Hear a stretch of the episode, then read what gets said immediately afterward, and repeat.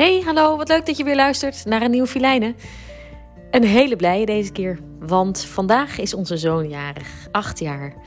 En acht jaar geleden zat ik op een blauwe wolk en ik ben er eigenlijk nooit meer van afgestapt. Ik schreef hem toen al deze brief. Dag mijn lieve zoon, daar ben je dan. Eindelijk, want al leek deze zwangerschap voorbij te vliegen, de laatste loodjes wogen zwaar en lieten zich tergend langzaam wegen. En nu nu ben je hier. Nu mag ik de hele dag naar je kijken, maar nog fijner, ik mag de hele dag aan je ruiken. En wat is er lekkerder dan de hele dag jouw babygeur opsnuiven?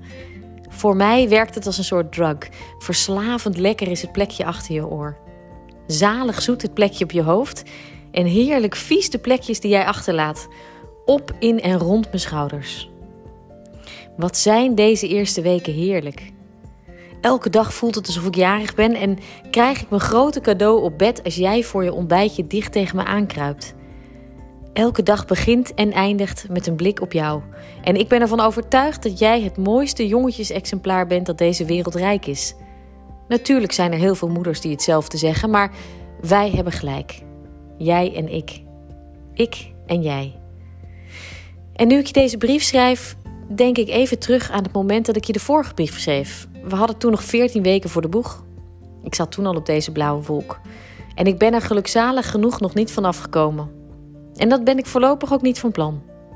Ik weet nog dat ik uitkeek naar onze eerste momenten samen en oh, wat waren die het wachten waard. En oh, wat waren wij blij toen we hoorden van de arts dat alles goed was.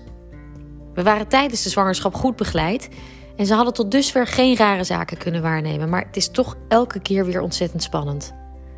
Genoeg moeders, ook in mijn omgeving, krijgen helaas ander bericht.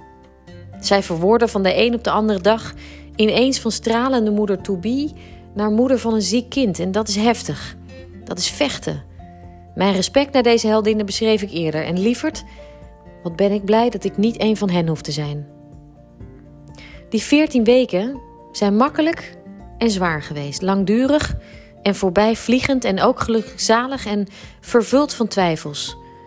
Bovendien is er in die 14 weken nogal wat gebeurd in de wereld. Deze wereld is gevuld met zoveel verschillende mensen en al die mensen geloven in andere dingen, in andere goden en in andere werelden. Die werelden botsen nog wel eens.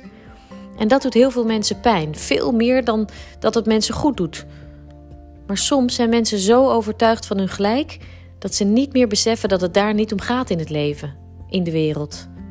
Soms willen mensen zo graag gelijk krijgen dat ze alleen maar willen en kunnen leven als alle mensen om hen heen precies hetzelfde geloven en willen als zij.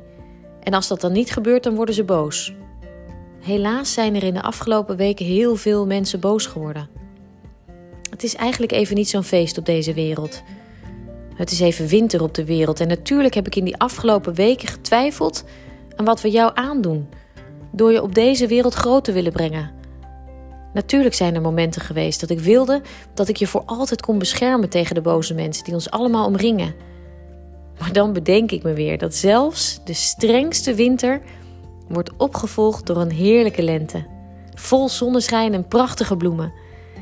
En als ik dan naar jou kijk, terwijl je zo onschuldig en perfect naast me ligt te slapen, bedenk ik dat met jouw komst voor ons de lente al volop is begonnen. En zachtjes wens ik dat jij dat gevoel bij alle mensen die je in je leven zult tegenkomen los zult maken. Slaap lekker, ventje. Liefs, mama Filijna.